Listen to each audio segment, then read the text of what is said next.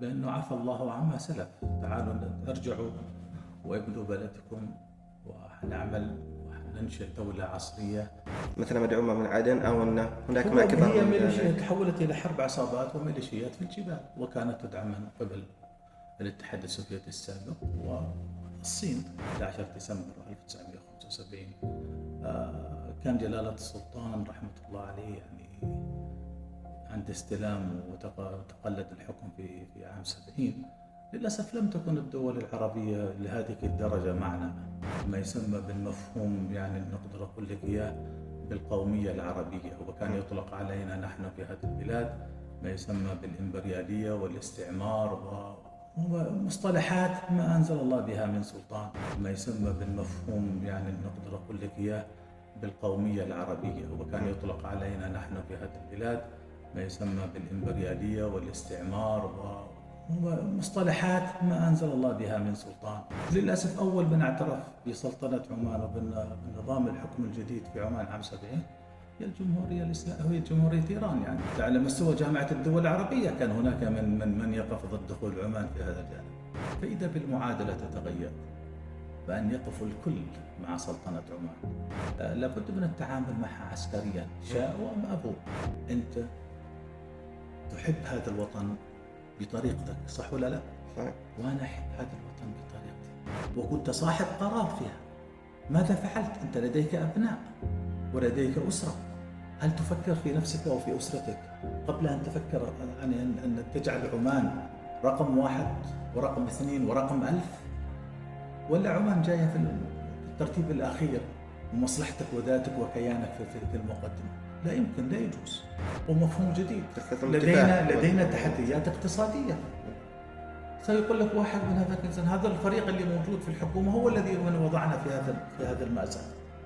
لماذا ابتسمت أنت بالكتاب؟ الكتاب لأنه هو كتاب خطابات جلالة السلطان قابوس لا يمكن أن أخدع نفسي وأخدع لماذا لم لا يمكن أن يستمر التعليم التلقيني في الجامعات العمانية. نحن نبني شخصية شخصية يعني إمعة أم شخصية قيادية؟ مدرسة تلقينية المجامعات للأسف الشديد. تعتقد أن الطالب سطحي العماني؟ ما أقول لك نودي يمكن المؤسسات التعليمية سطحية. وأنتم يا اللي بالجامعات الخاصة أيضا. عليكم أن تغيروا مناهجكم لتنظروا إلى المستقبل. أنا عقلي وقلبي وحبي لهذا الوطن وترابه ولن نتراجع عنه فلهذا ننصح عندما تريد أن تكون مذيعا عليك أن تقرأ القرآن بصوت عالي. لا يمكن أنك أنت تخفي يعني تضع رأسك في في الرمل. عليك أن تواجه الصعاب والحقائق. عليك أن تج- تواجه هذا الذباب الإلكتروني المت... هذا. خلي أربعة آه، شباب عندي في البيت نايمين. إيش أسوي فيهم؟ وأنا ما لاقى ادراكم تقاعدوا ما يأكلني ولا يأكل أولادي. يعني أقول له أنت غلطان؟ ليش أنت ما تعلمت؟ ليش أنت ما كنت مسؤول كبير؟ ما عندك وطنية؟ أنت ما عندك هذا؟ لا ما يجوز. عندك أنت الآن. أنت الآن إحنا من خلال حوارنا. هذا يعني هل لديهم إنك أنت يعطوك تصريح إنك أنت تطلع على اليوتيوب عشان ما تخليك تكون جزء من منظومة الاقتصاد وتكون بهذا الطريق. إيش الفائده بعد وقس على ذلك. ولكن هناك صراعات أيضا ضمن داخل مجلس الشورى. إذن- وتصل للجميع. إذا- ما تعتقد سيصير هذا الصفقة؟ مزبلة التاريخ إن شاء الله.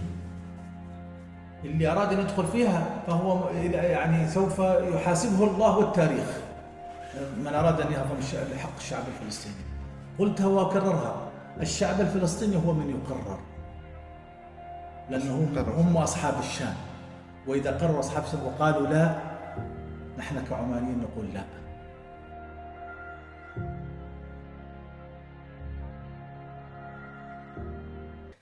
إذا السلام عليكم ورحمة الله وبركاته. حياكم الله. أنا أحمد شبلي وهذه حلقة جديدة من جلسة كرك. اليوم في حلقتنا بنتكلم عن محاور جدا متعددة. بنتكلم عن بداية النهضة المباركة وبنتكلم عن الإعلام السياسي بنتكلم عن الإعلام وعن الوضع الأكاديمي بنتكلم عن حماية المستهلك وعدة نقاط أخرى. ضيف اليوم رئيس مجلس إدارة جامعة الظفار دكتور في الإعلام السياسي محاضر سابق في جامعة السلطان قابوس لمدة 17 سنة. دكتور أنور رواس حياك الله في حلقتنا من جلسة كرك. أهلا وسهلا فيكم. سعيد أن أكون معكم في هذه الجلسة جلسة كرك. آه، إن شاء الله تكون الله. إن شاء الله. وعشان نتشرف صراحة بوجودك معنا اليوم ونقدر لك قبلنا الدعوه والغد الشريف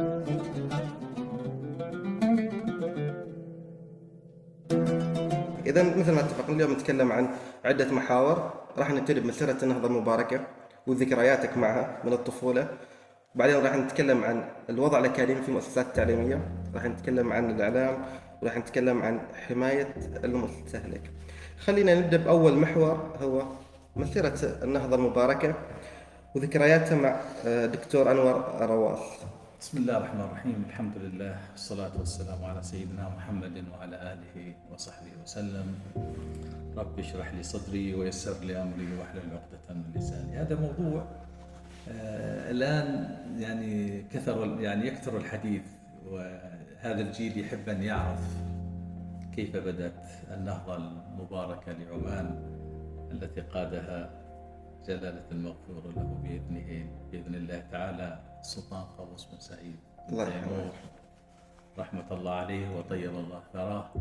آه كنا شهداء عليها يعني وإن كنا صغارا ولكن كنا ضمن منظومة البناء آه، التي كانت في تلك الفترة عام 70 أو تحديدا في 23 يوليو.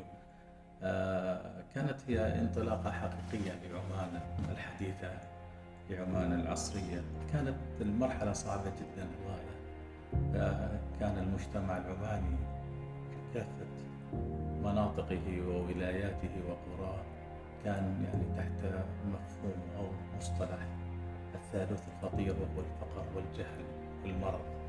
هذه ليست سهلة لبناء مقومات دولة جديدة وأنت تعيش تحت كنف, كنف أو تحت هذه هذا الهاجس الكبير اللي تفتقد إلى المدارس تفتقد إلى آه، الصحة الخدمات الصحية وفي نفس الوقت أنت تفتقد إلى منظومة الاقتصاد والحركة والعجلة الاقتصادية التي يستطيع الإنسان أن أن أن يكون لذاته ولوطنه أيضا آه، مفهوما جديدا في عالم التجارة والاقتصاد. وش ذكريات الدكتور أنور رواس في ذيك المرحله؟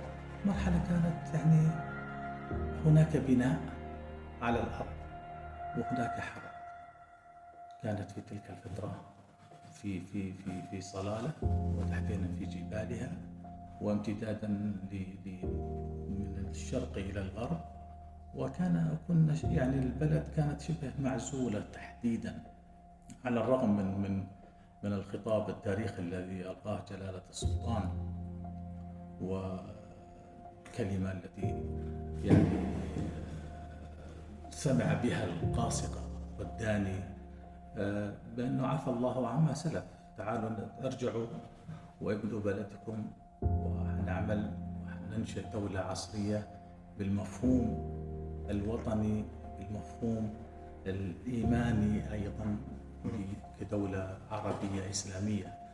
للأسف التوجه في تلك الفترة من خلال الجبهة الشيوعية التي أخذت الأيديولوجية وتريد أن تحول بمفاهيم مختلفة دخيلة على على منطقتنا وعلى ديننا وعلى واقعنا وتراثنا وحضارتنا بأننا نحن نعيش بمفاهيم وأيديولوجيات أخرى. وكان جلالة السلطان رحمة الله عليه يعني آه، الرجل الإنسان الرجل القائد الرجل العسكري في نفس الوقت الميداني. وفي نفس الوقت هناك يعني بناء على مستوى عمان في جميع مناطقها في تلك الفترة. فكانت كانت المسألة ليست صعبة. ولكن كان هناك كانت هناك إرادة قوية من القيادة وخلفه من الشعب العماني لدحض هذا هذه الجبهة والتمرد في ظفر. عشان ندرك ونستشعر حجم هذه الحرب اللي كانت هل هي كانت مثلا هذا مجرد تمرد مثلا مثل الميليشيات؟ مثلا مدعومه من عدن أو أن هناك ما كبر هي ميليشيات؟ تحولت إلى حرب عصابات وميليشيات في الجبال وكانت تدعم من قبل الاتحاد السوفيتي السابق والصين وكانت الأرض هي الأرض يعني اليمن الجنوبي سابقا. يعني كان هناك يعني على الحدود الغربية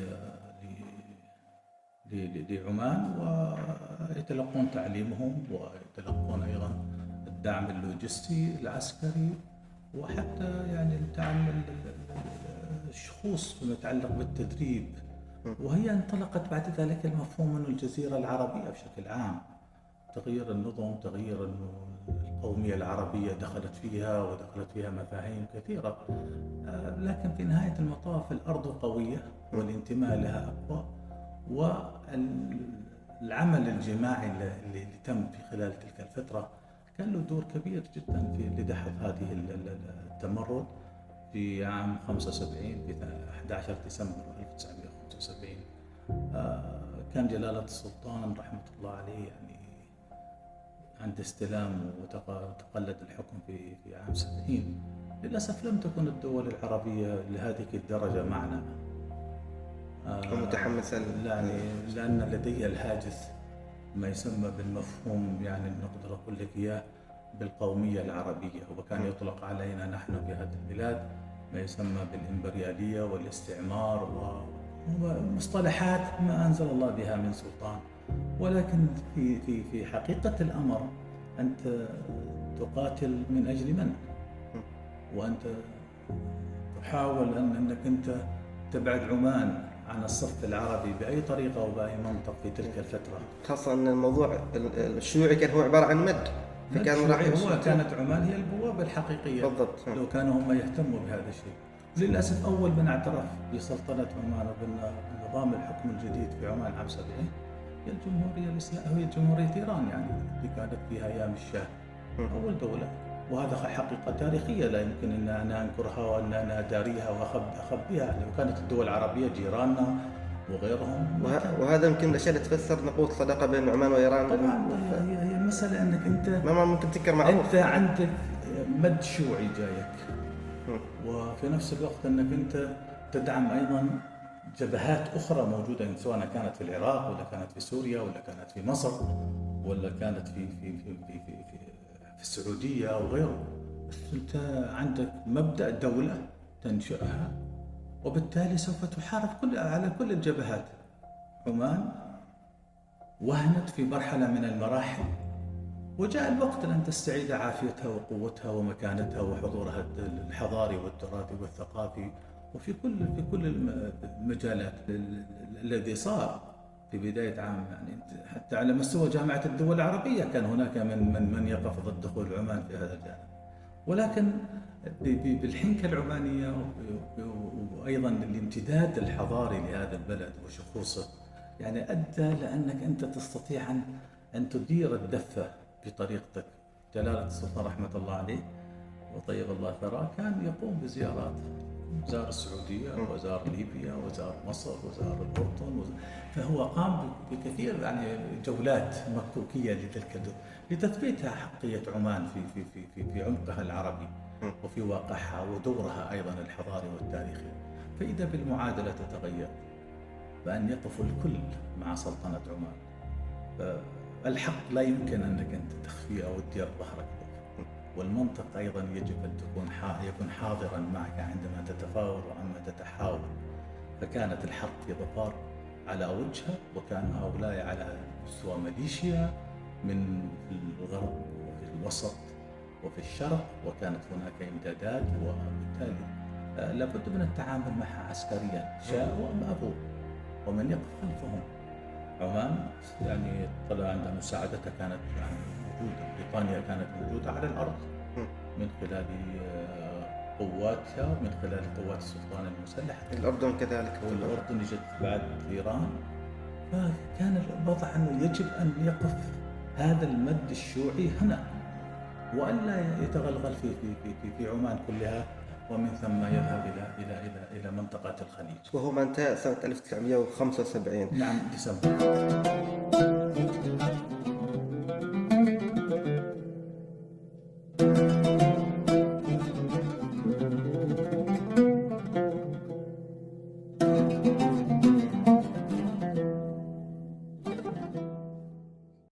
الاشياء الملفتة هنا إن هذه الحرب لم تنجي صاحب الجلالة الحرب حرب التنمية في الجهة الأخرى. يعني كلمته المشهورة جلال السلطان يد تبني ويد تحمل السلاح. أنا هنا أتذكر واحدة من كلماتك تقول إن رؤية صاحب الجلالة تسبق ثقافة المجتمع آنذاك ب 50 عام. ولا زلت أقول من أين قرأت هذا الشيء؟ ال- ال- الحنك لديه الحنكة السياسية العسكرية من خلال يعني التحاقه بساندهيرست. وأيضا مشاركته للفوج الإسكتلندي في ألمانيا لمدة ستة أشهر. وفي نفس بعد انتهاء دراسته العسكرية هناك دراسة للحكم المحلي. وقراءاته أيضا للواقع العالمي وزياراته العالمية. يعني كانت هذه أف- يعني أفضل آه، مرحوم والده السلطان سعيد بن تيمور. الله يرحمه. الله يرحمهم جميعا. فهي هي هي المسألة أنك أنت وقراءات الرجل ثقافة على ثقافة عالية من من من, من هذا. يحفظ القرآن الكريم. أنا فترة العزلة هذه كانت. يعني هو بعد ما رجعت ال 64 يفكروا الناس إنه إنه جلالة السلطان آه، قابوس رحمة الله عليه يعني تحت الاقامه الجبرية. هو ليس تحت الاقامه الجبرية وهو هو أراد له والده رحمة الله عليهم إنه يعني ينهل من العلوم الإسلامية وفي نفس الوقت يعرف عن التراث العماني وعن التاريخ العماني وكانت هذه المرحلة أيضا تأسيس حقيقي للانطلاق ل عام 70 الذي هو قاد هذه الثورة بنفسه جلالة السلطان رحمة الله هو الذي قادها. هو الرقم واحد. من يقول عكس هذا الكلام فهو لا يعرف ولا يعلم. من قاد الثورة هذا والانتقال إلى الحكم ما نحن فيه الآن هو السلطان قابوس رحمة الله الله يرحمه يا رب. وكان هو الرجل الميداني العسكري. كان. عسكريا في غرفة العمليات أو في الميدان أو كان في انطلاقته من خلال جو- جولة ال- ال- المشورة اللي انطلقت في جميع ولايات السلطنة لتأسيس الدولة لتأسيس لوضع طرق مدارس مراكز صحية آه، بناء الاهتمام أيضا بال- بال- بال- بالكوادر البشرية العمانية. هي هي ليست سهلة. يمكن حتى ذيك الفترة كان صاحب الجلالة يتكلم عن ديمقراطية في وقت الناس تبحث فيه عن أساسيات الحياة. آه، هذا الكلام هذا ال- ال- المقولة قالها جلالته رحمة الله عليه في العيد الوطني الأول في 23 7 1971 قال سوف أعمل على تثبيت حكم ديمقراطي عادل.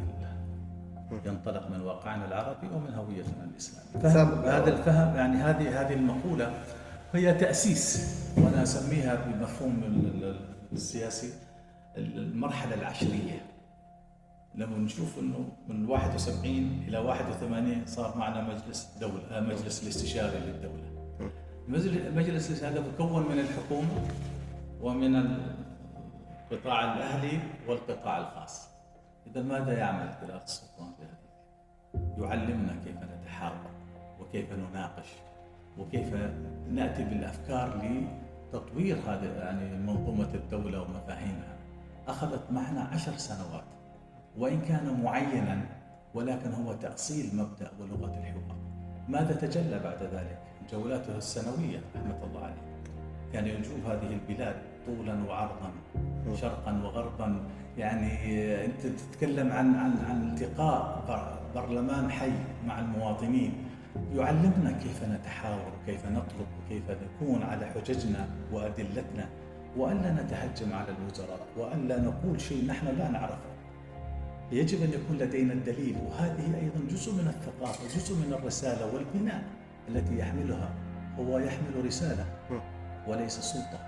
فكان هذا ديدنه على في الميدان وأيضا في مكتبه ومن خلال ترأسه لمجلس الوزراء.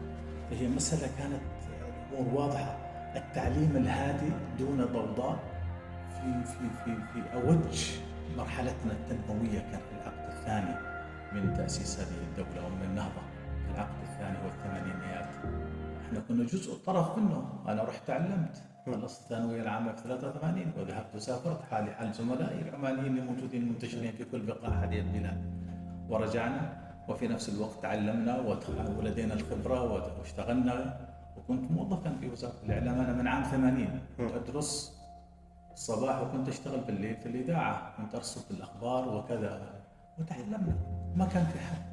هي جزء لابد انه كان البناء يكون موجود. لابد انه يكون. فهذا أعطتنا مساحة. كلنا أنا جيلي تحديدا. نتكلم عن جيل الخمسين الآن. آه، جيلنا تعلم. عاش المرحلة اللي قبل 70 وما فيها لا كهرباء لا شيء لا هذا. وكانت الأمور والممنوعات كانت كثيرة في تلك الفترة. فجاء جلال السلطان فرفع هذه كل المحظورات والممنوعات. لا لا لا فانوس ولا تلفزيون. بوابه تس- تسكر عليك ولا يعتمد يعني. عندك يعني هذه والإذاعة بدأت في العام في السبعين في السبعين وكانت هذه أيضا رسالة أخرى. لو نبحث بمناقب هذا الرجل رحمة الله عليه لن نوفيها هي كثيرة بكثر طول عرض هذه البلاد. رحمة الله عليه. الله يرحمه. يعني كان حب وعشق للتراب هذا لا لا يضاهيه ولا يمكن أن يعوض. كشخصية نتكلم. الشخصية لا تورث. الشخصية هي يعني هي البناء هي الحاضر هي المستقبل. فرؤى جلال السلطان قبل هذا المجتمع لأن نعرف إحنا ما عندنا لا تعليم ولا شيء هو يسبق عصرنا ب 50 سنة. فتفكيره لم يقول في 71 سوف أعمل على تثبيت نظام ديمقراطيا عادلا فهو نظر إليها. يعني أنت تتكلم عن حتى أعلن عن مجلس الشورى في عام 91 وهو عملية الانتخاب اللي كان مجموعة من المثقفين والمشايخ والرشداء, والرشداء اللي اختاروا ثلاثة ومن ثم القيادة تختار واحد منهم. مشي- مشينا في هذا الجانب لمدة تقريبا ست سنوات. فإذا بنا ننتقل نوسع هذه الدائرة. وبعد ذلك وصلنا إلى كل من له وصل سنه إلى 21 عام يستطيع أن يصوت فهي مراحل تأسيس تدريجي. نحن بأيدينا كيف نتصرف؟ وكيف أن نحن نطور من آلياتنا ومن تفكيرنا ومن قدراتنا التي نمتلكها بحق. ولكن كيف نمارسها على أرض الواقع؟ بأي مفهوم أمارسه؟ وبأي طريقة؟ وبأي منطق؟ هل بمنطق أني أنا أفهم منك أنت؟ أم أنا وأنت نستطيع أن نكمل طريقا يستطيع أن نجتاز في هذه الص- المرحلة الصعبة؟ لدينا أشياء كثيرة ولدينا تحديات كثيرة والقيادة الجديدة آه، بقيادة جلالة السلطان هيثم بن طارق آه، بن تيمور حفظه الله ورعاه لديه تحديات لأن الدولة مكتملة الأركان ال- ال- الخدمات موجودة في كل مكان. نحتاج إلى فكر يساعد هذا الرجل في تكملة هذه المسيرة وهي النهضة الثانية والمرحلة الثانية. خمسون عاما فإذا بنا نحن ننطلق إلى إلى مرحلة جديدة. كيف كيف حيكون بناءها؟ هي الآن بيد القيادة والقيادة متمرسة وهو سليل هذه الأسرة يعني آه، أسرة السلاطين. فلديه الحس فلديه الإنسانية ولديه الفكر ولديه القيادة. ويستطيع وهو كان عضوا لمجلس وزراء من عام 2002 فإذا لا يحتاج أن يأتي, يأتي أحد أن يدخل عليه من هذا الجانب أو ذلك. بل هنا أقول وأنصح الجميع ألا نكابر وألا نقول شيء لا نعرفه وأن نترك الأمور في, في, يد جلالة السلطان حفظه الله ورعاه فهو يعرف ويعشق هذا التراب ورؤيته لعمان حاضرة بين جوارحه وفي قلبه وفي عقله وسوف يبنيها ويكمل مسيرتها كما أراد لها كما قالها في يوم التنصيب. أنه سوف يكمل هذه المسيرة التي بناها جلال السلطان الراحل. رحمة إن شاء الله. عشان ما نستبق الإطار الزمني في تساؤل في بالي. كونك أنت متخصص في الإعلام كيف استغل السلطان الراحل؟ حضرة صلاح الدين السلطان قابوس. الإعلام في دعم مفهوم المواطنة في قيادة التنمية. شوف أنتم يعني إذا كنا نشوف الإعلام نتاج السياسة العامة للدولة. الإعلام كان في البداية السبعينيات آه، أقدر أسميه هو إعلام موجه.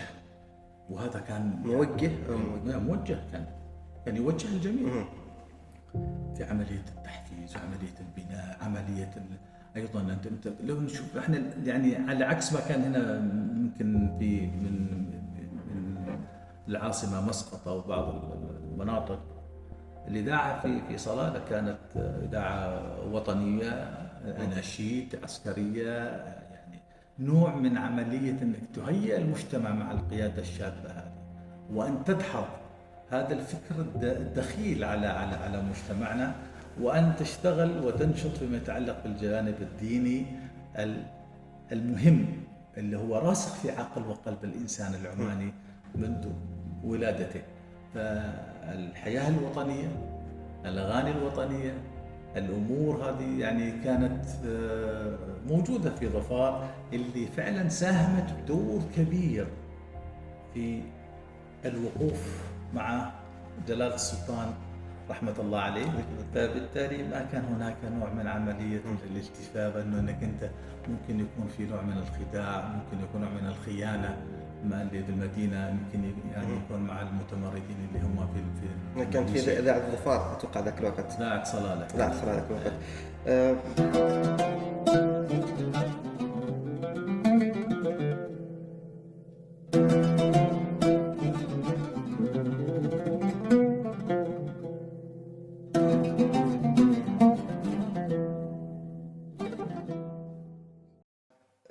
بعد ما خلينا تكلمنا عن مسيرة النهضة المباركة والفروقات اللي صارت والتغيير اللي صار يتهم هذا الجيل بأنه غير مدرك وغير مستشعر لهذه ال- خلينا نقول لهذه النهضة أو لهذه المنجزات. بس هل أنت أحمد أنت هل أنت يعني تنكر هذا اللي موجود؟ أنا لا أنكر هذا الموجود إذا لمن يقول هذا الكلام؟ يق- يق- هذا خلينا نقول هذا- يستشف من المطالبات. ه- هذه المطالبات من يقول لك؟ أنا كسني خمس 55 سنة. ما كنا نطالب. نطالب بماذا؟ لكن لما نطالب بالعدل. عندما يأتي العدل ويكون هو ترسيخ مفهوم القائمه اللي اسسه جلالة السلطان قابوس رحمة الله عليه ويطبق. أنت لا تجتهد. افتح الكتاب حتجد المنظومة التشريعية القانونية موجودة. طبق هذه النظم طبق تلك القوانين. واعدل بين الناس. فعندما تعدل بين الناس سوف تحقق هو الهدف. هذا الجيل نسبته ليست أقل من 70% فهو الغالب في منظومة السكان اللي موجودين في عمان. طموحهم حق مشروع للجميع.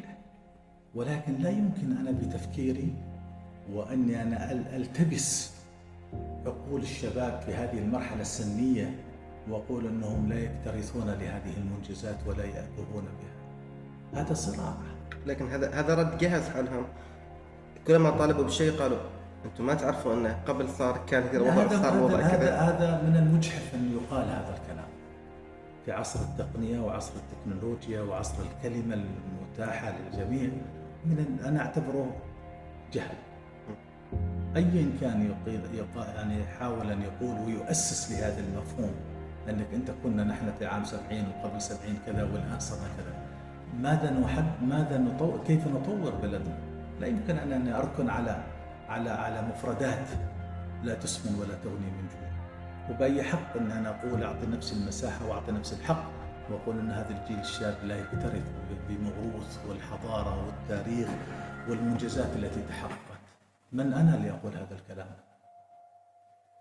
أنت تحب هذا الوطن بطريقتك صح ولا لا؟ صحيح. وأنا أحب هذا الوطن. هدفنا واحد. ولا يمكن أن نتنازل عنه. فإذا من المجحف أن نقول أن الشباب العماني غير مكترث بهذه المنجزات كيف تفكر أنت؟ ماذا صنعت؟ أنا أسأل السائل لما يقول هذا الكلام. أنت ماذا صنعت؟ أنت وجدت أيضا منظومة كانت موجودة وكنت صاحب قرار فيها. ماذا فعلت؟ أنت لديك أبناء ولديك أسرة. هل تفكر في نفسك أو في أسرتك؟ قبل أن تفكر يعني أن, أن تجعل عمان رقم واحد ورقم اثنين ورقم ألف ولا عمان جاية في ال- في الترتيب الأخير ومصلحتك وذاتك وكيانك في- المقدمة؟ لا يمكن لا يجوز. عمان هي رقم واحد وستظل رقم واحد للأبد. هذا هذا هذا هذا يجب أن يكون فبالتالي هؤلاء الشباب هذا الجيل أنا أقول لك هو الذي سوف يصنع الفارق بالحكمة وبالتي هي أحسن وعندما يجد العدل. حسك تراهن على هذا الجيل. اراهن على العمان على عمان على عمانيتهم. هل أقول لك إن هؤلاء هم حيصنعون لي يعني شيء كبير؟ لكن أراهن على مواطنتهم وعمانيتهم وحبهم لهذا التراب. ما دون ذلك هناك مجالات تقدر تاخذ وتعطي معها العمانيين لن, يست... لن يعني لا يمكن أنك أنت يعني تقول أنك انت هؤلاء لا يمكن أن يتحملوا ساعة. هل أنت تحملت ساعة؟ أم وجدتها جاهزة لك؟ هذا السؤال يطرح. عندما نطرح هذه الحوارات أو نقدم هذه الحوارات لا نقدمها من أجل أن نكسب نقطة ولا شيء على حساب أحد. لا لا أنا لا أساوم لا أساوم الوطن. ولا أساوم به أحد. ولا أحاول أن أنا أصنع من نفسي نجم داخل منظومة أنا حالي حال أي عماني. والكلمة هي التي قلتها قبل سنوات وسأظل أقولها. عمان للعمانيين. كما قالها جلال السلطان قابوس رحمة الله عليه. عمان للعمانيين. وعندما نتحاور كعمانيين علينا نتحمل بعضنا البعض. وتواصوا بالحق وتواصوا بالصبر. فإذا ماذا؟ لا أنت أرفع مني ولا أنا أرفع منك. إذا أنت مسؤول أدي عملك بأمانة وبإخلاص. ولا تجتهد في شيء لا تعلمه. لديك كتاب فيه منظومة تشريعية وقانونية. افتح هذاك الدفتر وشوف من ينطبق عليه الشروط قدم. ولا تحاول أنك أنت تعترض. أنت تعتقد أن ما عندنا مشكلة تشريعات عندنا مشكلة تنفيذ عندنا مشكلة تنفيذ نعم مراسم سلطانية جاهزة موجودة لكن عندنا مشكلتنا نحن نحب أن نتعامل في إطار أن الدولة الأبوية الريعية مفهومة هذه أرادوا يعني يعني هل نتغذى ونعيش عليها ونموت عليها؟ ولا نقول انها كانت مرحلة معينة والمؤلفة قلوبهم خلينا نقول. لكن ما محتاجين يجب أن يعطل هذا النص الآن. نقول انه والذين إيش؟ الذين يستطيعون أن ينتجوا ويقدموا ويساهموا علينا أن نعطيهم حقهم. لا أن نتفاخر بالكلمات والمفردات. كفانا هرج ومرج في هذه تعتقد أن الدولة الريعية ليست مفهوم هذه المرحلة؟ عليكم كلكم يا عمانيين أنكم تنسوا هذا المفهوم الان. هذه مرحلة جديدة ومفهوم جديد. لدينا لدينا تحديات اقتصادية. سيقول لك واحد من هذاك الإنسان هذا الفريق اللي موجود في الحكومة هو الذي من وضعنا في هذا في هذا المأزق. الحين نقول هذا الفريق أدى اللي عليه. هذه قدراته مثلا وهذا دوره. ولكن علينا ناخذها بالتي هي أحسن. علينا أن نتناقش ونتحاور. على هذه على هذا الفريق ان يعمل التفاته حقيقية للعمانيين وأن يجلس وأن يتكلم معهم. وألا نطبل وألا نبالغ وألا أيضا نبخس الناس أشياءهم. الناس اشتغلت وعملت واجتهدت ولكن هذا هو قدراتهم ومفاهيم يأتي فريق آخر هل يستطيع أن يستأنف. يعني يعدل يطور يقلل. هنا تأتي مفهوم القيادة الجديدة وما تراه مناسبا للمستقبل. لكن لا يمكن أن نحن الآن ندخل في متاهات ومهاترات ونقول هذا الفريق وذاك. نحن همنا عمان الان وإحنا نتكلم عن هذه المرحلة يمكن أهم رافد داعم هذه المرحلة هي جمع الشباب. آه، الدكتور أنور رواس كان 17 سنة ونص تقريبا محاضر في جامعة السلطان قابوس. نعم. في قسم ال... في, في الاعلام الاعلام بالذات قسم الإعلام كلية الاداب آه. بالضبط. ف لنا استقالته كانت جات بناء على تحفظات. إيش هي التحفظات؟ هذه؟ أنا أنا سميتها تحفظات. إحنا نسميها تحفظات لأن هي كانت بناء على خلافك مع الإدارة خلينا نقول. لا لا ما عندي خلاف. منهجية أنا... التعليم. هذه هذا الأمر. يجب أن يقال الآن هي ليست على مستوى جامعة السلطان قابوس ولكن على مستوى التعليم بشكل عام. مستوى التعليم العالي؟ التعليم العالي والتعليم. كله على بعض ماذا نريد أن نقدم لاجيالنا الآن التقنية أتاحت للإنسان طفلا كان أو شيخا. المساحة الكافية لنتعلم من, من هذه التقنية ومن التكنولوجيا. هل نحن نحتاج إلى معلومة أم إلى معرفة؟ وهنا الفارق بين المعلومة والمعرفة. المعلومة يمكن أن تجدها في هذا الجهاز الذي تحمله وتتواصل به مع العالم.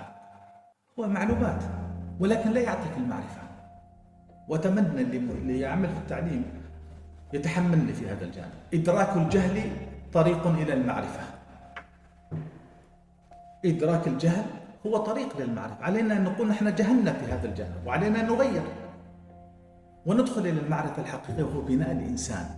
في المعرفة في- البحث في بناء الشخصية في ما يتعلق ب ب ب ب ب بتقديم رؤية مشروع معين في تخصصه. يعمل عنده عرض أو برزنتيشن يعطي له مساحة يقرأ كتاب معين. أنا كنت أدرس أنا ادرس طلابي وأعطوهم كتب عن عمان. وتحديدا عن السلطان قابوس مصلحة للعرش؟ مصلح للعرش. آه، عمان فجر جديد. آه، مفهوم ال- ال- الأباضية في الدولة في الفكر الأباضي. آه، وأكثر من كتاب. كنت أعطيهم وكان كتاب كتاب الدكتور مجدي العفيفي. آه، س- سيأتي يعني لماذا ابتسمت أنت بالكتاب؟ الكتاب لأنه هو كتاب خطابات جلاله السلطان قابوس آه، الأبعاد المتجاورة في فكر السلطان قابوس هذا الكتاب اسأل كل طلابي. يعني أنا افتخر أنا أنا لما طلعت من الجامعة أنا حزنت كثير على طلابي وعلى طلاب أبنائي. حزنوا بعد. أنا نفس الطريقة. وأعرف الاسى اللي فيهم. وأنا أتحمل هذا الشيء لأنه لا يمكن أن أخدع نفسي وأخدع لماذا لم لا يمكن أن يستمر التعليم التلقيني في الجامعات العمانيه لماذا لم تبادر؟ بدر مع من؟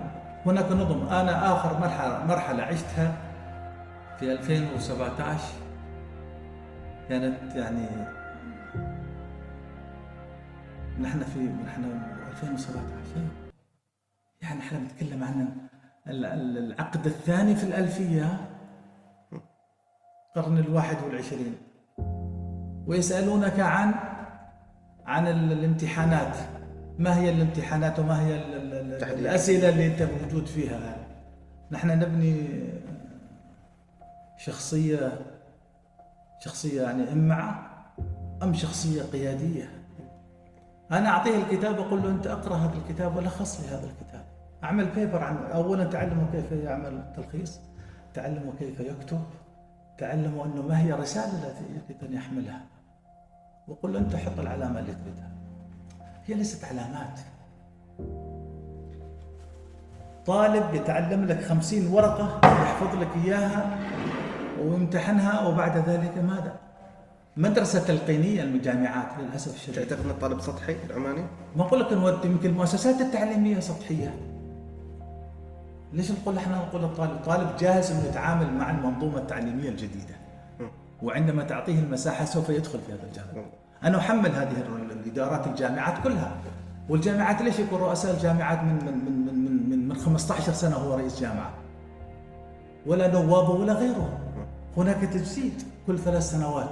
يا أخي ثلاث سنوات أعطيه فترة ثانية ست سنوات عشان إذا كان عنده شيء ممكن يعطيه وبعد ذلك شكرا لجهودكم ومع السلامة فياتي شخصية أخرى إن كان بالتعيين أو كان حتى بالانتخاب داخل على مستوى الجامعات. هي مسألة إنك أنت كيف ترتقي وتكون هناك تنافس بين الجامعات المراحل التعليمية. نحن ننشئ جيل طلع من المدارس التعليم العام تلقيني إلى مستوى جامعات وآفاق أرحب إلا من رحم ربي. إلى مسألة تلقين أكبر وأوسع. حتى أنا استفزيت طلابي وأقول لهم هذا الكلام. وقلنا هذا الباب مغلق الآن. نحن إذا نتحدث بحرية ولكن في إطار المبدأ الاحترام ووضع الأس- الأسئلة بطريقة صحيحة وهذا دور أن أنا اعلمهم كيف نطرح يعني يعني نقدم هذا هذا هذا التساؤلات أيضا. وألا نخرج عن النص الحقيقي في في الأخلاق وفي القيم وفي إيماننا بهذا البلد وبسلطانه. فهي المسألة صارت حتى قل طالب.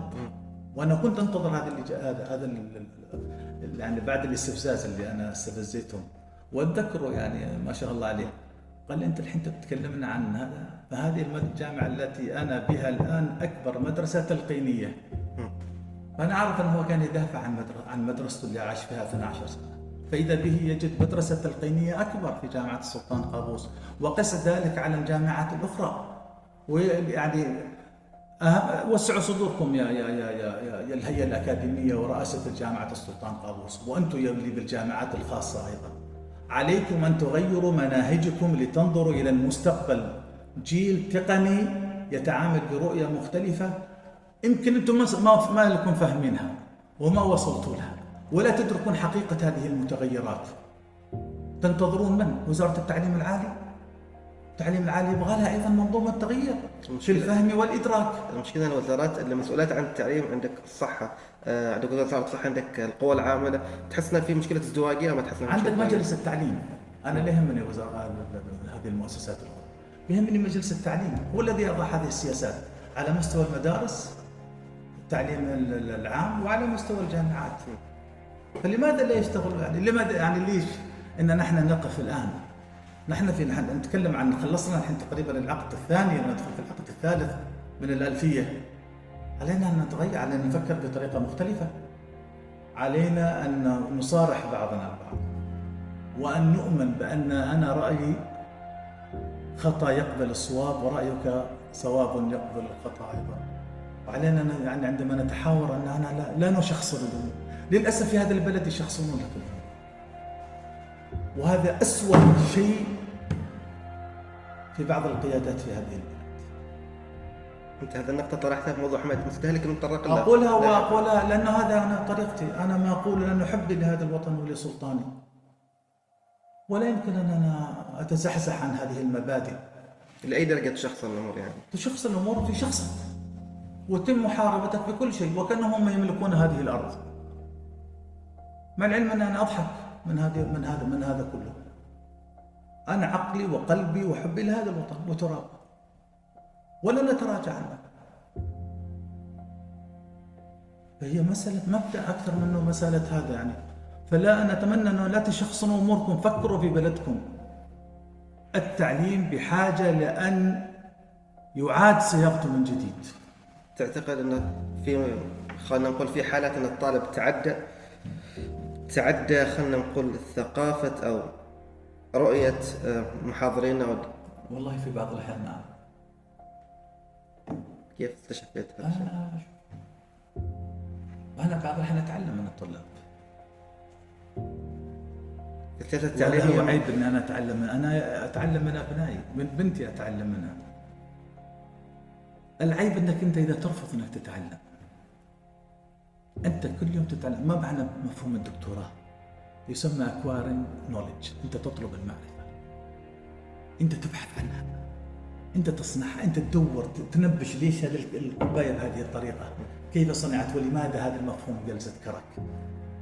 هل هي للصبر والضحك؟ ولا هو للاستمتاع بالطريقة اللي أنت تحسها المتعة اللي أنت تريدها؟ أنا أتعلم من طلابي. فبالتالي أنا ما ما بيني وبين بين طلابي حاجز. أعطي الطالب مساحة. أعطوهم يتناقشوا مع بعض أعطوهم يغلطوا على بعضهم البعض فاعلمهم إذا كانوا أخطأوا. هي مسألة ليست مسألة تعليم. التعليم هي مهارة. والمهارة ماذا؟ أنا كنت أعلم بالاذاعه والتلفزيون ودرس رأي عام ودرس إعلام سياسي ودرس ولكن أعلم الطلاب انه يقف أمام هذا الميكروفون. كيف يقف؟ وكيف يتكلم؟ وما هي اللغة؟ فلهذا أنا أنصح عندما تريد أن تكون مذيعا؟ عليك أن تقرأ القرآن بصوت عالي سوف يعطيك مخارج الحروف ذكرني بنقاش كنت اسال فيه مع شخص مسرحي وكان أعطاني نفس المعلومة. خلني أختم ذا المحور الوضع الأكاديمي سالفه صندوق الحليان اللي دائما ما تحدث بها طلابك. إيش سالفه صندوق الحليان؟ صندوق الحليان يا أخي كل واحد بيجيب من قريته ومن مدينته بنفس الأفكار بنفس هذا بيحاول إنه يجيبها معه. أنا أقول هذا صندوقكم حطه في في في السكن. دعونا ننشئ صندوق جديد بطريقة مختلفة. بطريقة أن نحن نفكر لننجز لنثبت للعالم أن نحن هنا لدينا تاريخ وإرث وحضارة. عندما تتحدث أنت يا ابني تتحدث بأنك أنت لا تتوقف لأنك أنت تدرك حقيقة اللغة. وتدرك حقيقة المعرفة وتدرك حقيقة أن هذا التخصص ليس سهلا وأن عليك أن تشتغل عليه ولكن لا تركن أنك التخصص هو الذي يوصلك إلى القمة.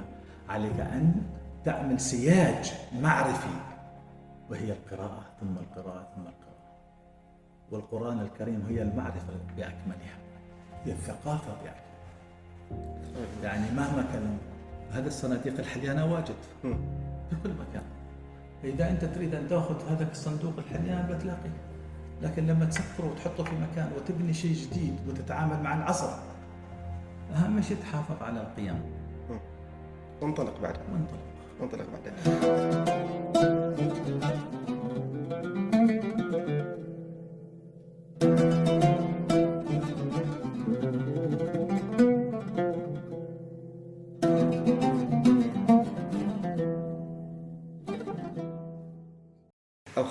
الإعلام المحلي كيف تق- تقييمك للإعلام العماني وتعاطيه مع الأحداث العالمية بالتحديد؟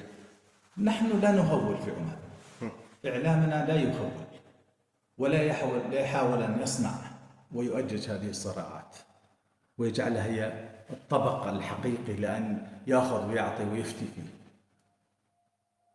فبت... يعني الإعلام آه، كان نظامه مثل النظام العسكري هذا يعني لا يعني أنه يعني أنت عملت مؤسسات آه، أنا عملت إعلامية أنا عملت 20 سنة في وزارة الإعلام أيام ما كانت كنت. قريب من بعرف أنا ما كنا نهول الأمور. كانت الصراعات في كل مكان وكنا نجيب إشارات لها ولكن في في مضمون الخبر إن نتمنى للجميع السلام والأمن والاستقرار وكذا وعدم الخوض فيها. أنا يعني عشنا مراحل ما ليست سهلة. يعني منطقة الخليج يعني انت نحن لو نتكلم عن بناء عمان نهضة عمان من عام 70 كان حرب 73 حرب أكتوبر. مصر وإسرائيل. يعني هذا كانت وكانت الحرب عندنا نحن أيضا في في في, في ظفار. تغيير مفهوم إيران إلى الجمهوريه الإسلامية الإيرانية في 79 كان 78 كان ديفيد. الاتفاقية بين بين مصر وإسرائيل. المنطقة كانت مشتعلة. 80 دخلنا في حرب العراقيه الإيرانية. يعني ما كانت سهلة. كنا نعيشها يوميا بهذه المثال كانت الايديولوجيات والقومية والتخوين وأن يعني حدث ولا حرج. اللي هذا قومي واللي اتهم مصر بأنها كذا واللي مش عارف هذا كذا. كل الأمور هذه لو تنكشف حقيقتها حتى الكل حيتفاجئ يمكن حتى أحيانا أجد في الإعلام العماني يتفرد في بعض المصطلحات مثل كان كلمه آه، داعش بالدولة اللا اسلاميه كان يطلق عليها. داعش. هم مسمينها الدولة الإسلامية. هذا إحنا نتكلم هذه حركات صنعها صنعتها يعني استخبارات. غربية وصنعتها هذا وهذا كلها للأسف الشديد باسم الدين وباسم كذا ليجعل العالم كله يعني يخاف من من الإسلام. هي جماعات. وظيفية. والإسلام بريء أتمنى من الدول العربية أن تهدأ وأن تنظر لأوطانها وأن تنتبه ل عندهم مشكلة أكبر دا- داخل بلدانهم وهو التركيبة السكانية التي سوف تقلب موازين عندما تأتي الأمم المتحدة لتفرض عليهم نظام العدد السكاني من الجاليات الموجودة هم حيكونوا كأنك. تتكلم عن حق تقرير-. المصير؟ نعم نتكلم عن حق تقرير المصير لا نتكلم بشكل عام انظر الدول الخليج الدول الأجانب كم فيهم؟ بالنسبة لنا نحن في عمان كم؟ نحن الحين تقريباً. نحن نص. 45 آه قريب من 44 نحن 56 كعمانيين. وهذا رقم مخيف. فما بالك ببعض الدول الأخرى المجاورة؟ هم ليش يشكلوا إلا 10% أو 12% في بعض الدول؟ عشان يعني في كمواطنين فبالتالي عليهم ان كل هذا هناك مشاكل أهم تركز عليها. آه، عشان نطلع موضوع الإعلام. إيش تعتقد إن الدور الحقيقي للإعلام؟ الإعلام عليه أن يساهم في البناء عليه أن يشرك عليه أن يدخل عليه أن يتحاور عليه أن يتخلص من فكرة مفهوم عباءة الحكومة. هو إعلام دولة وهذه المفاهيم خاطئة لدى الناس. الإعلام إحدى مؤسسات الدولة وليس مؤسسة حكومية. مرحلة تغيرت أرادوا لها أو لا. الإعلام ليس ليس تحت كنف الحكومة. يعني هو إعلام دولة ضمن المؤسسة التشريعية والقضائية والتنفيذية والمؤسسات العسكرية والأمنية. نتكلم وهذه المؤسسة الإعلامية هي السلطة والت- والتقنية الجديدة هي السلطة الخامسة. إحنا بنتكلم الآن علينا أن نكون صريحين مع بعضنا البعض. لا يمكن أنك أنت تخفي يعني تضع راسك في الرمل. عليك أن تواجه الصعاب والحقائق. عليك أن تج- تواجه هذا الذباب الإلكتروني المت- هذا كيف حتصنع من من من داخل مجتمعك؟ الهامد يعني؟ كإعلام جامد هامد يعني؟ حتخلق أنت كعمانيين بهذه الطريقة العمانيين ليسوا معك في هذا الجانب. العمانيين آه، انطلقوا العمانيون انطلقوا في في في في في بطريقتهم الخاصة بالدفاع عن وطنهم بطريقتهم الخاصة. كان صح أو خطأ؟ أنت ما تفضل التجاهل أنا لا افضل لا لا لازم المشاركة. إذا أنت حريص على عمان فالع- فالعمانيين هم أيضا حريص يعني يعني أكثر حرصا على على على وطنهم. فبالتالي ما يمكن أنك أنت تجي أنك أنت تعمل إعلام موجه ثاني مرة ولا إعلام تنموي ثاني مرة. أنت أريد تعلم إعلام فكري. هل أنا أريد الخبر ولا ما وراء الخبر؟ هذا اللي كنت بسالك إياه. أنا أؤمن بما وراء الخبر. كيف نحلل هذا الخبر؟ ولكن بالطريقة التي نراها من واقعنا نحن ولا يفرض علينا. حتى كيف نستثمر هذا الخبر؟ أشياء كثيرة موجودة. وتقول أن العمانيين هم قادرين لا قادرين يسوون وأنا أجزم لك أنه في عناصر موجودة داخل المؤسسة الإعلامية إن كانت بالإذاعة والتلفزيون ولا كان على مستوى الصحافة. لديهم ال- ال- الرؤى والأفكار اللي هي تحافظ فيها أولا على من- منظومتنا المجتمعية وفي نفس الوقت يعني نفتخر ونفاخر بها عندما تتحدث في الإطار التحليلي السياسي ال- في في شتى الج- الجوانب. فلماذا لا نطلق لهم الإعلان؟ أنهم يتحدثوا نتعلم من أخطاء. أنا أتذكر في عام في. في الثمانينات أنه يعني آه، طريقة التعميل المؤسسات الصحفية ولا بالإذاعة والتلفزيون. فكانت القيادات الإعلامية وتحديدا وزير الإعلام السابق الأسبق يعني آه، معالي عبد العزيز أن يقول هؤلاء هم الذين سوف يحملون الرسالة الإعلامية. إن أخطأوا سوف يتعلمون وسوف نعلمهم ولن نعاقبهم لكن سندربهم. فهنا أعطانا الجميع الثقة أنه يتعلم وإنه يخطئ يعني هو ليه له ليس يعني يعني قاصدا أن أن أن, يذهب في الخطأ. ولكن عندما أخطأ فشعر بأن هناك خطأ. فماذا كان العقاب؟ هو أنك انك تصحح له هذا الخطأ. وأنت تعطيه الطريق الصحيح. هكذا كانت هذه المؤسسة الإعلامية. تغيرت المفاهيم. كل ينظر كل يرى نفسه أنه هو فاهم هذه المؤسسات الإعلام لا يمكن أنك أنت تحط في في في في كورنر أو في زاوية وتحاول أنك انت تضيق الخلاف لا هناك مساحات أخرى من يستطيع أن يغلق الآن ال social media. كيف تقيم عندك أنت الآن. أنت الآن إحنا من خلال حوارنا هذا. يعني هل لديهم أنك أنت يعطوك تصريح أنك أنت تطلع على اليوتيوب ما عندهم. ما عندهم. الحمد لله. هذه لما نتكلم عن هل يستطيعوا أن يفرضوا على المؤسس على المواطنين أنهم لازم يدخلوا في انه يأخذوا تصريح؟ ما يستطيعوا. إن دخلت في هذا الجانب وانفتحت الحكومة على نفس هذا الجانب فهي لا هي فتحت على نفسها أبواب كثيرة. فهي المسألة مسألة تنظيمية أكثر. كيف تنظمها؟ انك بالتي هي أحسن وبالمنطق وبالعقل وامام مرأى من عينك. فافتح مؤسسات افتح استديوهاتك دع الناس تتحدث مدى رضاك أو تقييمك للوضع الحالي للاعلام كل العماني شيء كل شيء راضي عنه كل شيء في محلك ثابت ما تشي تغير.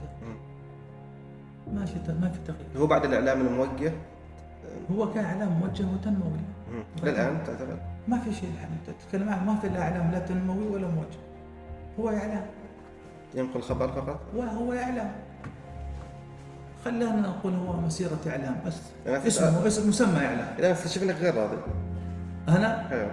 أنا أطمح لأن يكون الإعلام أكثر حيو... يعني حيوية مع المجتمع. أنا الإعلام هو ماذا أصلا؟ من الذي يصنع الخبر؟ ما الذي يصنع ال- ال- ال- الحدث؟ هم المجتمع. أين هم من المجتمع؟ لم يقول لك أنك تتحدث عن قضية الباحثين عن عمل. ألا يهمك هذا؟ هل ستسمع شيء أنك أنت إذا أنت موالي للحكومة ويعني ولائك لها أكثر من هذول اللي بيدوروا على وظائف هل هذا هذا جاي من وين؟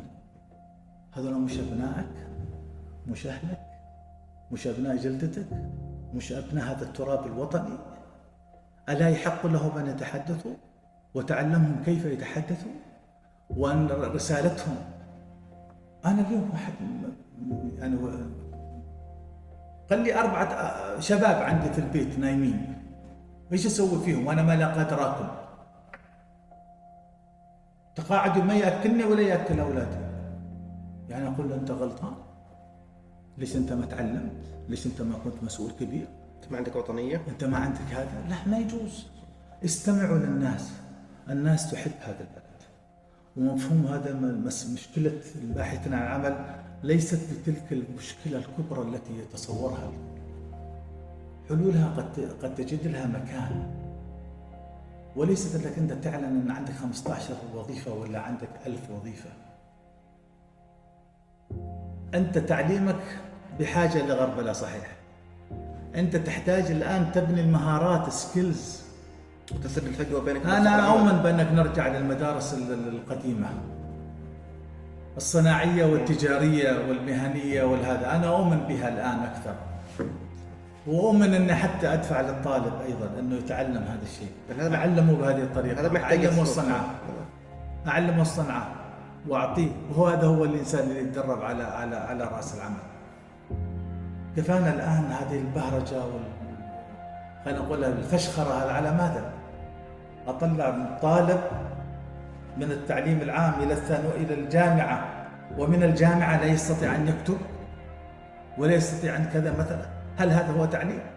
أحمل هذا الولد ولا البنت؟ لا ما احملهم أحمل من وضع هذه اللمسات منذ منذ بدء الطالب تلميذ في الصف الأول ابتدائي لين وصل إلى الجامعة هل هناك تقييم؟ وبعدين كيف تعتمدون على الاعتماد العالمي شهادات الاعتماد؟ هل هذا هو الهدف أنك أنت تحصل شهادات ولوحة؟ هل تكلف؟ تكلف مبالغ طبعا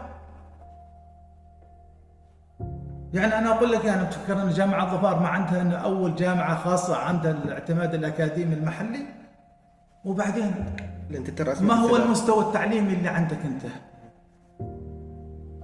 تسألني أنا أقول لك أنت أنا إنسان أكاديمي وأنا لي نظرة أخرى مخالفة عن مغايرة عن النظره اللي يحملها من من يعمل داخل هذه الجامعة أنت نفسها. رئيس مجلس إدارة أنا جامعة. رئيس مجلس إدارتها ولي نظره نظرة مختلفة ولكن لا تدخل في الشأن الأكاديمي هذا ليس تعليما هذا تلقين. حاله حال جامعة السلطان قابوس وحاله حال الجامعات الأخرى. وهو اللي خلق فجوة بين سوق العمل وبين يا أخي أنا أعلم من أجل التعليم. وسوق العمل هو الذي يأتي يأتي للطالب لما يكون عنده المهارات وعنده اللغة وعنده المعرفة وعنده كل حاجة. هو سوق العمل يبحث عنه. فانت ما تعتقد التعليم يجب أن يكيف على سوق العمل؟ لا لا أنه التع- أنت التعليم من أجل التعليم ولكن أنت عندك التخصص. أنت يجب أن تهيئ الطالب من من من من, من مراحل التعليم العام. صرنا نعتمد على اللغة الإنجليزية ماذا أتت بها هذه اللغة الإنجليزية؟ صارت عبء. إما أنك أنت تتعلم اللغة الإنجليزية ولا أنت فاشل. من أنت لتحدد للعبانيين أنهم فاشلين؟ فرضت التعليم باللغة الإنجليزية. في كل أمور حياتهم باللغة الإنجليزية. عشان عشان يوصلوا للعالمية؟ كم وصل للعالمية؟ عندك 600 ألف طالب كم وصل للعالمية؟ وصلوا 400 ألف؟ صنعوا الذرة؟ خلونا نصافح الواقع ونكون على الأرض هذا التعليم لما تجيب أفكار آخر آه من برا وتريد تطبقها على العمانيين العمانيين يلفظونها أنا استشف من من كلامك انت مع التعريب أنا ليس مع التعريب. أنت بتركز على اللغة الإنجليزية أكثر من أي شيء آخر. أنا ما أقول لك إنك ما تعلم اللغة الإنجليزية. ولكن لا تضعه رقم واحد ورقم اثنين ورقم عشرة.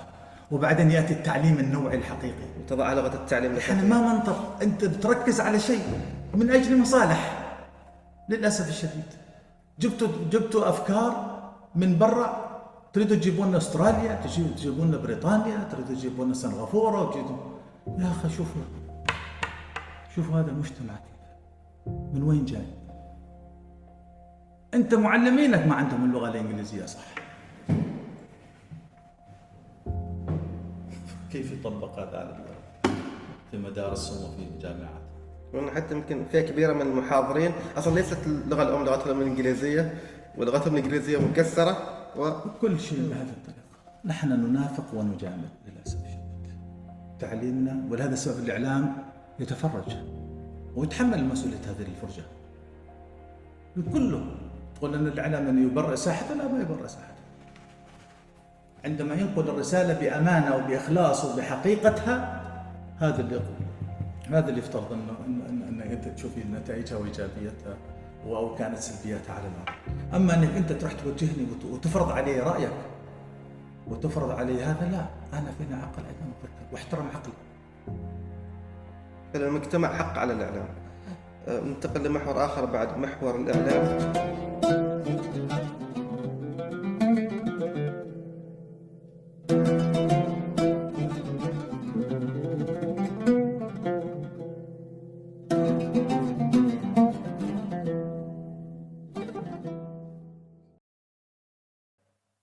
قبل كم سنة كنت تضيف في قناة عمان تتكلم عن حماية لجنة حماية المستهلك أنت في جمعية حماية المستهلك آه، نائب رئيس الجمعية نعم. أتوقع آه، كان عندك تحفظ بالذات على موضوع الاحتكار أنا أنا الاحتكار. مشكلة إنه التحفظ أنا رافض الفكرة من أساسها أنت قانون الاحتكار هذا خلينا نعطي صورة عامة في. البداية عن الوضع حاليا عشان نفهم أنا في الجمعية العمانية لحماية المستهلك كنائب رئيس وهذه جمعية أهلية مستقلة آه، تحت مظلة وزارة التنمية الاجتماعية هم. بدأنا فيها من عام 2003 وأول من قدم القانون حماية المستهلك التي كانت دائرة في وزارة التجارة والصناعة. وكان هناك ضغط كثير يعني فيما يتعلق من المجتمع يعني وأيضا مفاهيم العالمية تغيرت. عملنا هذه الجمعية جمعية تطوعية. من 2003 إلى يومك هذا أنا فيها. أه حاولنا من 2003 من من 2003 قا- ص- صراع مع وزارة التجارة والصناعة لأن هي لديها قانون حماية المستهلك حتى نطلب اللائحة التنفيذية للقانون. متى جاءت اللائحة؟ القانون في 2002 2007 يعني هنتكلم عن خمس سنوات. ولولا نحن في الوسط ومطالباتنا ما كانت اللائحة حتى 2009 تكلمت أنا أيضا في التلفزيون. في 2008 2009 يعني يعني نتكلم عن 11 سنة تقريبا أو 12 سنة أنا طالبت بوزارة لحماية المستهلك على مستوى الطالب. جاء الوقت اللي هذا انقلاب سلطان قابوس رحمة الله عليه أنشأ هذه الهيئة الهيئة العمانية لحماية المستهلك كانت نقلة نوعية في التفكير بس لكن أنت تحتاج إلى من يحرك هذا الأمر ويفهم هذا التوجه. نقول لك إنه جلال السلطان رحمة الله عليه سابق عصره ب 50 سنة. اللي معينينهم مو هم يعني يمكن مو هم مدركين حقيقة هذا ال- المفاهيم الجديدة، إحنا اشتغلنا فيها حماية المستهلك. أنا كنت من الأشخاص اللي وضع النظام الأساسي له- لهيئة حماية المستهلك بحكم ان عضويتي في الجمعية العمانية لحماية المستهلك. عملنا واشتغلنا على النظام الأساسي وعملنا وقدمناه. إيش اللي صاير بينهم هم بعضهم البعض في الحكومة الله العالم كل. واحد يريد هي المسائل ال- ال- الخلافات اللي موجودة بين المسؤولين مع بعضهم البعض وكل واحد يعني يرى بمنظوره أنه هو الفاهم. وهذا نرجع نقطة الشخص. هذه الأمور. نرجع نقطة تتخاصم نعم. نرجع نقطة الشخصنة هنا. شخصنا نعم. هم كل شيء شخصنا أنت ليش تريد تمنع؟ وبعدين ليش وزارة التجارة والصناعة تأخذ لك هذا ال- القانون تبع الاحتكار؟ وال- أنا أعتقد المنافسة. من نفس الاحتكار. أيوه منع الاحتكار. انت إيش اللي تريده في وزارة التجارة والصناعه؟ المفروض يكون هذا ال... هذا يكون من ضمن قانون مع قانون مع هيئة العمانيه للآن- لحمايه المستهلك. أنت ماذا تريد؟ هي غلط يعني وبعدين لما أنت حصرت السلع في فترة من الفترات ب 23 سلعة هذا دوركم وهذا عملكم من أنتم؟ احترموا عقول العمانيين. كفاية خلاص انتهى. العصر هذا العصر محتاج إلى عصر الواحد يواجه بالحقيقة وبالمنطق ايا كان. ما في مجال انك أنت تراوغ من أجل يعني تكسب تدخل مع هذا الفريق أو مع ذاك الفريق. ما مصلحة الوزارة في انه يكون موضوع من الاحتكار معه دراني فيه أنا والله ما أعرف إيش سووا فيه. لكن هو خطأ فادح ارتكبته الحكومة لما حطته في وزارة التجارة والصناعة. لأنه هو قريب من قانون حمايه المستهلك فالاختصاص الأولى الاختصاص والهيئه لكن ما يريدوا هناك صراعات هذه الصراعات اللي أخرتنا كثيرا في عمان في أشياء كثيرة. تعتقد انها تحكمها أخرتنا خليني اكمل لك يا ابني. أخرتنا في في المحافظة على هذه الأسعار اللي موجودة في الاحتكار وأخرتنا في أخرتنا أيضا في في في, في, في, في الوظائف وفي الباح- الباحثين عن عمل وفي المجاملات أشياء كثيرة حتى ان نحن وصلنا لهذا ما وصلنا إليه. أخرتنا في مفاهيم الاستثمار نفسه. يتكلمون عن الاستثمار وقانون الاستثمار لكن لما يطبق يروح لك على 20 مؤسسة حتى يحصل لك على الموافقة. طيب يستهبلوا مين؟ هذا يهرب الاستثمار. مشكلة أنت تتكلم أنت أنت أنت تنادي بأن تعالوا استثمروا. لكن أنت عندك مشكلة. كل وزارة لها قانونها ومرسومها. وانت وين بتروح لازم تحمل ضمن خطة ما في شيء خطة لحد الآن وهذا قانون الاستثمار موجود لكن الكل يهرب. ولا يصنع بيئه جاذبه للاستثمار نعم. ولا يصنع بيئه جاذبه للاستثمار والله ما نعرف إذا كان هو القانون جيد واللي حامينه عندهم مشكلة أو القانون ما هو جيد واللي واللي عملوه وضعوا وجدوا أنفسهم في مشكلة. ما نعرف. هذه صارت مثل الفزورة. أنت الآن تريد تجيب الناس. اقتصادك عجلته الاقتصاديه شبه متوقفة. مشاريع ما في مشاريع في البلد. العقار بدأ ينزل بطريقة ما هي طبيعية. الأسعار وما أدراك ما الأسعار في ال supermarkets والمحلات التجارية ترتفع يوما عن يوم. اذا نحن أمام تضخم. الراتب هو الراتب حرب المؤسسات الصغيرة والمتوسطة موجودة. تعطى لمن يريد أن يعطى وتلفظ من يريد من من- هذا من شيعتي وهذا من عدوي. إذا هذا المنطق بهذا بهذا الأسلوب إذا هذا البلد كلها رايحة بهذه الطريقة. أنا من منظومة العمل في السوق وأرى الكثير. وشايف ولا أريد أن أتكلم. وليس وقته أن أتكلم. نحن أمام مرحلة جديدة. أمام مرحلة جديدة. ونسأل الله التوفيق لجلالة السلطان هيثم بن طارق. حفظه الله. يعني ما نريد الآن نحن نقول أن كل واحد الآن يسوق نفسه وأن يقول كذا. ولكن هم يدركون حقيقة هذه الأمور. هناك معوقات كثيرة. واللي حط هذه المعوقات هم أنفسهم. هذا هذه الفرق اللي موجودة. أنا جابه كل يوم مشاكل.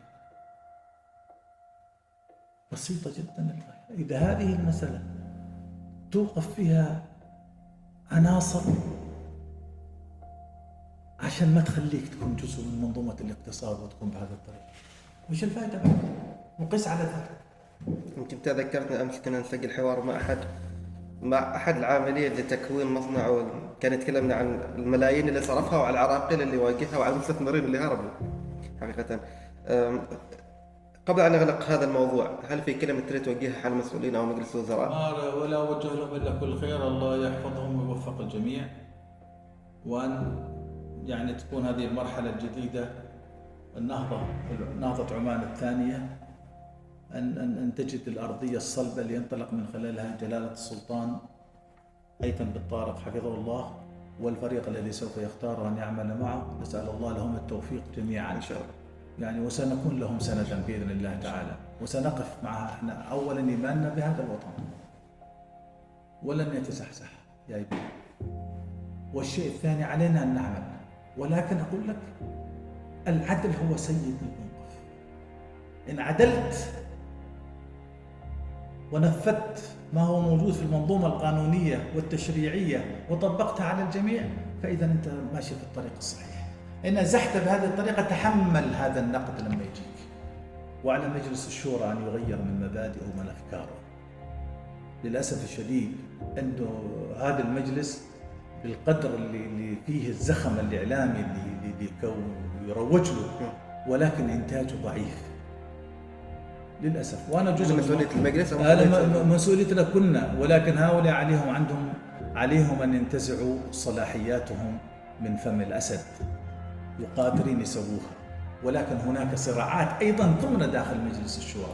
وتصل للجميع. إذا تناديهم تنادي أعضاء المجلس بالانتزاع ولا تنادي الحكومة بالمنح. صلاحيات. الصلاحيات تنتزع يا ابني. ما تمنح. جلال السلطان منحنا الدستور. رحمة الله عليه. الله. يرحمه هذا هبه من عنده. ولكن ان تنتزع قوانينك. بالمنطق بالعقل. تحافظ عليه على المن... على ال... على الأمن العام وعلى المكون الوطني وعلى ترابك وسيادتك الوطنية. ما دون ذلك العب فيها مثل ما تشاء. اختلف معك تختلف معي. ولكن أساسيات والأركان هذا ما في ولكن أنت لما أنا ما يعني خلافي معك وصل لحد كبير فلا تشخصن الأمور. أنت من باب المسؤولية في هذاك المكان وأنا من باب المسؤولية في هذا المكان. عندما نطلع من هذه القاعة علينا أن ننسى اللي- كان بهذه الطريقة. آه، أصدقاء أخوان أي اللي سميه ما شئت لا تحمل في قلبك الضغينة والحسد والغيرة والجبروت بالسلطة. لا تحملها. هذا ليس هذا نسمه أسمي ضعف. قبلت أن تكون بالسلطة فتحمل ما يأتيك عندما تسمع من الآخرين. أنت بتأخذ من الناس ضرائب وتاخذ من الناس آه، رسوم ضرائب. مرتفعة. كل مرة بترتفع. وفي نهاية المطاف لا الرواتب يعني ارتفعت لا هناك ترقيات لا هناك حركة اقتصادية تستطيع أن تعمل. فإذا ما الإنسان وسيلته إيش؟ وسيلته انه يتحدث ويعبر عن رأيه فهل هذا أيضا من المحرمات؟ ومن الذي يحرم؟ القانون لا يجرم عندما الإنسان يقول ما في قلبه دون دون إثارة ودون بلبلة ودون عمي تحريض. تهويد وعندك أدلتك اللي أنت موجودة عندك أعتقد أنك أنت هذه ليست دولة بوليسية ولم تكن دولة بوليسية ومن ارادها ذلك فهو عايش في غيابة الجب يمكن حفظ الله عمان وقائدها وشعبها. آمين. يا رب وفق هذه البلاد والمخلصين فيها لكل ما هو خير. تقريبا جميع المحاور انتهت فيها في هذه الحلقة بس دامي أمام دكتور في العلوم السياسية. الإعلام لا، السياسي. في الإعلام السياسي فإني أريد أستغل الفرصه وأخذ رأيك في موضوع متداول حاليا على الساحة العالمية وعلى الساحة الإقليمية وعلى الساحة المحلية. صفقة القرن من وجهة نظر أو من رؤية أو من تحليل الدكتور أنور رواس و- وعمانية بشكل عام. كما صفقة هذا القرن يعني كانت جزء من منظومة تجارة أنا أسميها. آه، سلعة منتجة يحاول أن يطبخها البيت الأبيض بطريقة أو بأخرى و... ويريد أن يفرضها. وقالها الرئيس الأمريكي ترامب. ولكن هذا ليست على العرب أن لا يوافقوا عليها وأن لا يدخلوا في هذا الاتجاه. هذا نعتبره غدر. حقوق الشعب الفلسطيني بإنشاء دولة الفلسطينية المستقلة وعاصمتها القدس الشرقية. هذا لا يمكن التهاون ولا يمكن التنازل عنه. هذا وجهة نظر يعني وهذا موقف يعني عبر عنه أيضا الوزير المسؤول عن الشؤون الخارجية معالي يوسف بن علوي في في في اجتماع ال- الوزاري الطارئ في في في في, في جامعة الدول العربية. حتى رئيس مجلس الشورى هذا نتكلم هذا مجلس الشورى البرلماني غير. له الحرية يقول ما يريده. ولكن لما نتكلم كمنظومة دوله هو عبر عن هذا الأمر. وهذا يفترض أن يكون هذا توجه الدولة.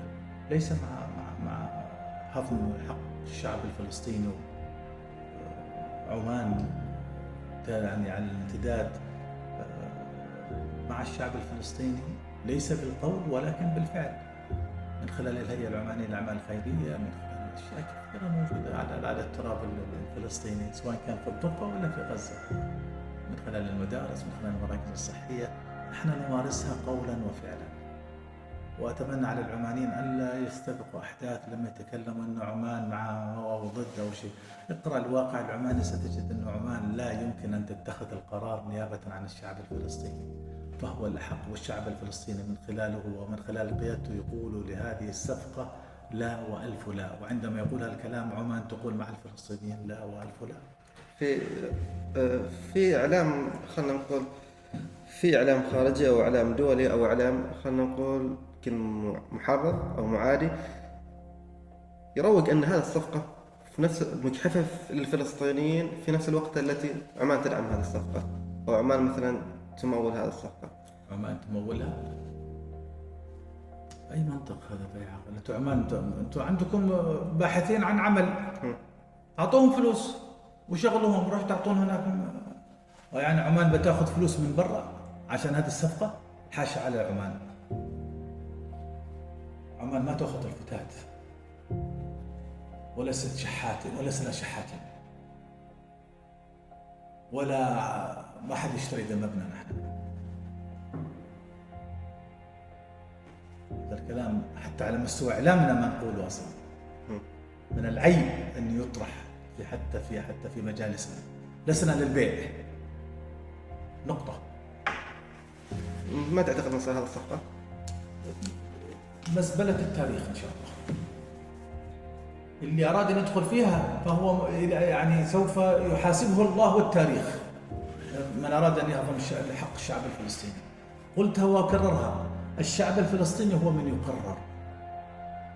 لأنه هم أصحاب الشان وإذا قرروا أصحاب الشان وقالوا لا نحن كعمانيين نقول لا. لكن أنا نجي ألف وتور لا. هذا صفقه خسران إن شاء الله بإذن الله تعالى. إن شاء الله. إذا الدكتور أنور رواس رئيس مجلس إدارة جامعة الظفار دكتور في الإعلام السياسي محاضر سابق في جامعة سلطان قابوس لمدة 17 سنه استمتعنا في الحديث معك اليوم في جلسة كرك كلمة أخيرة لمتابعي البرنامج وللشباب. شكرا جزيلا آه، بارك الله فيكم.